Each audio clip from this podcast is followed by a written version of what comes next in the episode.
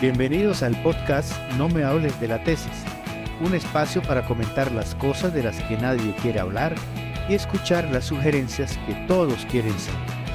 Con la psicóloga y experta en investigación, Jacqueline Hurtado de Barrera.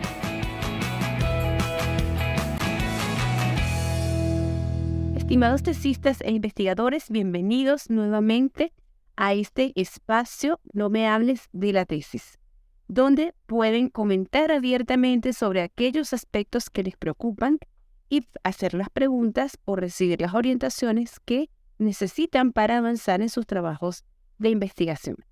En esta oportunidad el tema es, han pasado años y no termino mi investigación. Es mucho más frecuente de lo que parece que algunos investigadores o algunos tesistas no puedan culminar su investigación a tiempo y que a veces pasen años antes de que puedan graduarse. Esta situación se puede deber a diversas circunstancias, no solamente personales, sino también institucionales y metodológicas. En esta oportunidad tenemos a Jimena que nos va a comentar algunos aspectos interesantes sobre su experiencia.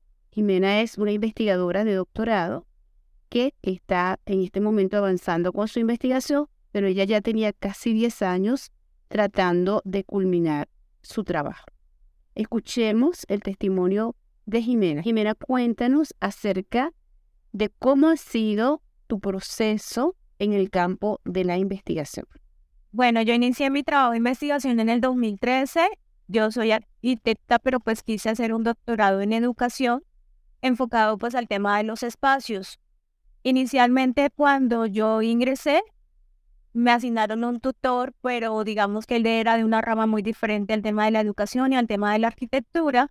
Entonces, a partir pues, de los conocimientos que él tenía, me fue enfocando pues hacia la parte que él consideraba que era lo que mejor me servía para el desarrollo de la tesis que yo tenía pensado. Inicialmente se formularon los objetivos, la pregunta, la situación problemática, pero ya en el momento de hacer el estado del arte, siento que no existía como una directriz clara.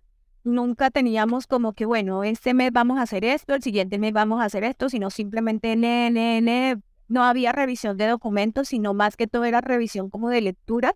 Las tutorías que se hacían era muy de tipo conversación, vaya adelantando, vaya leyendo. Posteriormente, cuando ya voy a, postularme para la candidatura, el docente pues ha retirado de la universidad y me asignan un, un nuevo tutor. Y la situación que se presenta es que posteriormente ya cuando se hace la candidatura viene la parte metodológica y realmente es cuando me doy cuenta que el tutor no tiene conocimiento, confunde varias teorías que realmente son incompatibles. Entonces, en ese proceso duré año y medio y no estaba resuelto la parte metodológica. Y como yo tenía que hacer como observaciones de espacios, muchas veces pues yo iba, pero sin tener claramente qué era lo que yo tenía que hacer. De un tutor era como más de, de esos pues que se ponen como bravo y para que uno no le pregunte nada. Así era, más o menos. Era muy seria, o sea, yo no le quería ni hablar a veces porque siempre me sentía regañada. Muchas veces lo que hacía era que me decía, es que tú te equivocas. Una vez dije, pero ¿cómo voy a equivocar tres veces en tres exposiciones cuando ella supuestamente me revisaba un día antes? Y todo el mundo decía, eso está mal. Y ella decía que no, eh, me, echaba la culpa a mí, era que yo había explicado mal la diapositiva o el tema. Y pues ahí solicité, pues cambio. Bien, sumamente interesante tu experiencia, Jimena. Me dices que solicitaste un cambio. Eso quiere decir que ahora tienes un nuevo tutor. Háblanos un poquito de cómo te va en este momento con ese nuevo tutor. Es un poco más claro y digamos que da la libertad para, para el desarrollo del proceso. Es un poco más abierto. Lo que pasa es que los dos anteriores tutores, para ellos nada más existía metodología cuantitativa y metodología cualitativa y de ahí no se podía salir. Es más, no tenían el conocimiento, por ejemplo, del tema holístico. En cambio, este nuevo tutor, pues sí ha sido un poco abierto con respecto al tema, se ha organizado un poco más y eso ha ayudado que por lo menos tenga un poco más claro qué es lo que quiero realmente hacer. La experiencia que nos cuenta Jimena nos permite evidenciar varios aspectos muy interesantes. Primero, que muchas veces nuestras investigaciones no se enmarcan en una única disciplina, sino que a veces son investigaciones transdisciplinarias, es decir, que se ubican en el encuentro o en la intersección de dos o más disciplinas. Cuando esto ocurre, es mucho más difícil conseguir un tutor que domine la temática, porque se necesita que la persona conozca algo de cada una de esas disciplinas involucradas en el tema de investigación. Cuando eso no ocurre, pues generalmente el proceso es mucho más difícil de llevar. Otro aspecto interesante es que el tutor necesita estar abierto a aprender nuevas cosas. Pues es natural que un tutor no tenga por qué saberlo todo o que conozca solamente de su área temática. Sin embargo, si es una persona abierta que está dispuesta a aprender conjuntamente con el investigador, sin sentir que eso lo hace menos o sin sentir que eso demerita su em, responsabilidad como tutor, entonces él puede eh, comenzar a indagar a profundizar, a leer sobre la temática que él realmente desconoce. Eso va a contribuir a que se puedan encontrar salidas y se puedan encontrar rutas, como decía en este caso Jimena, para poder orientar con mucha más claridad el proceso de investigación. Cuando un tutor se cierra y no quiere cambiar su modo de pensar o de aprender, no digo que siempre, pero muchas veces detrás de eso lo que hay es mucho temor de perder la autoridad.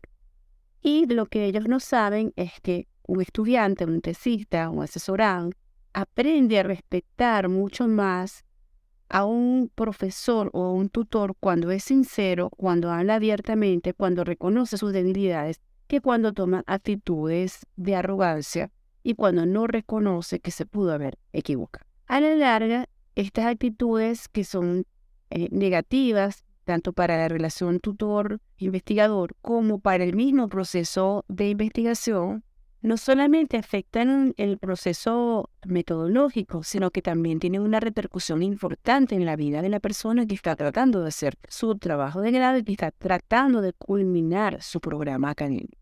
Es importante que los tutores y los asesores reconozcan la, responsabilidad y el impacto que a veces pueden tener en la vida de las personas. Una sabia decisión que tomó, en este caso Jimena, fue solicitar un cambio de tutor. Siempre está abierta esa alternativa cuando tenemos dificultades. Otra opción que se recomendaría es la incorporación de un asesor de contenido que pueda dominar el área en la cual existe el vacío para complementar el, proceso de tutoría y de asesoría. Y vamos a preguntarle a Jimena en este momento qué cosas considera ella que le pudieron haber faltado o que pudo haber necesitado durante ese proceso que vivió. Una orientación clara. La mayoría de las veces yo no tenía el conocimiento. Es decir, yo sabía de pronto cómo se hacía un estado del arte, pero de, digamos que no tenía como esos lineamientos, esa orientación clara. Para mí, digamos, las etapas de la investigación deben ser claras como desde el principio y eso no, no, lo, no lo había. Nunca había una, una ruta. Y cuando la conocí a usted, pues ha sido muy claro lo que no hice en todo ese tiempo. Ya hoy día ya lo tengo muy claro y sé hacia dónde voy. Y lo que más me gusta es que realmente siento que estoy haciendo lo que realmente quiero, porque otra cosa también que tienen lamentablemente los tutores es que muchas veces lo direccionan hacia lo que ellos conocen y sobre lo que ellos conocen es lo que quieren que uno termine haciendo. Y pues obviamente uno en el afán de adelantar, de, de algún momento culminar, pues acepta todas esas directrices, pero pues uno nunca está conforme con ese deseo inicial que uno tenía. Muchísimas gracias Jimena por haber aceptado compartir tu experiencia como nosotros. Ha sido una experiencia muy significativa y esperamos que sea de mucha utilidad para otras personas que también pudieran estar pasando por situaciones similares. Te deseo mucho éxito en tu investigación. Y me despido cordialmente de ustedes, estimados tesistas, investigadores. Recuerden que pueden enviar sus casos grabados si quieren que los compartamos por esta vía y que eh, podamos darles algunas sugerencias y recomendaciones para superar algunas de esas dificultades. Nos esperamos en una próxima edición de este espacio. No olviden revisar la descripción del video donde encontrarán también algunas informaciones de interés. Se despide ustedes, Jacqueline Estado de Verde.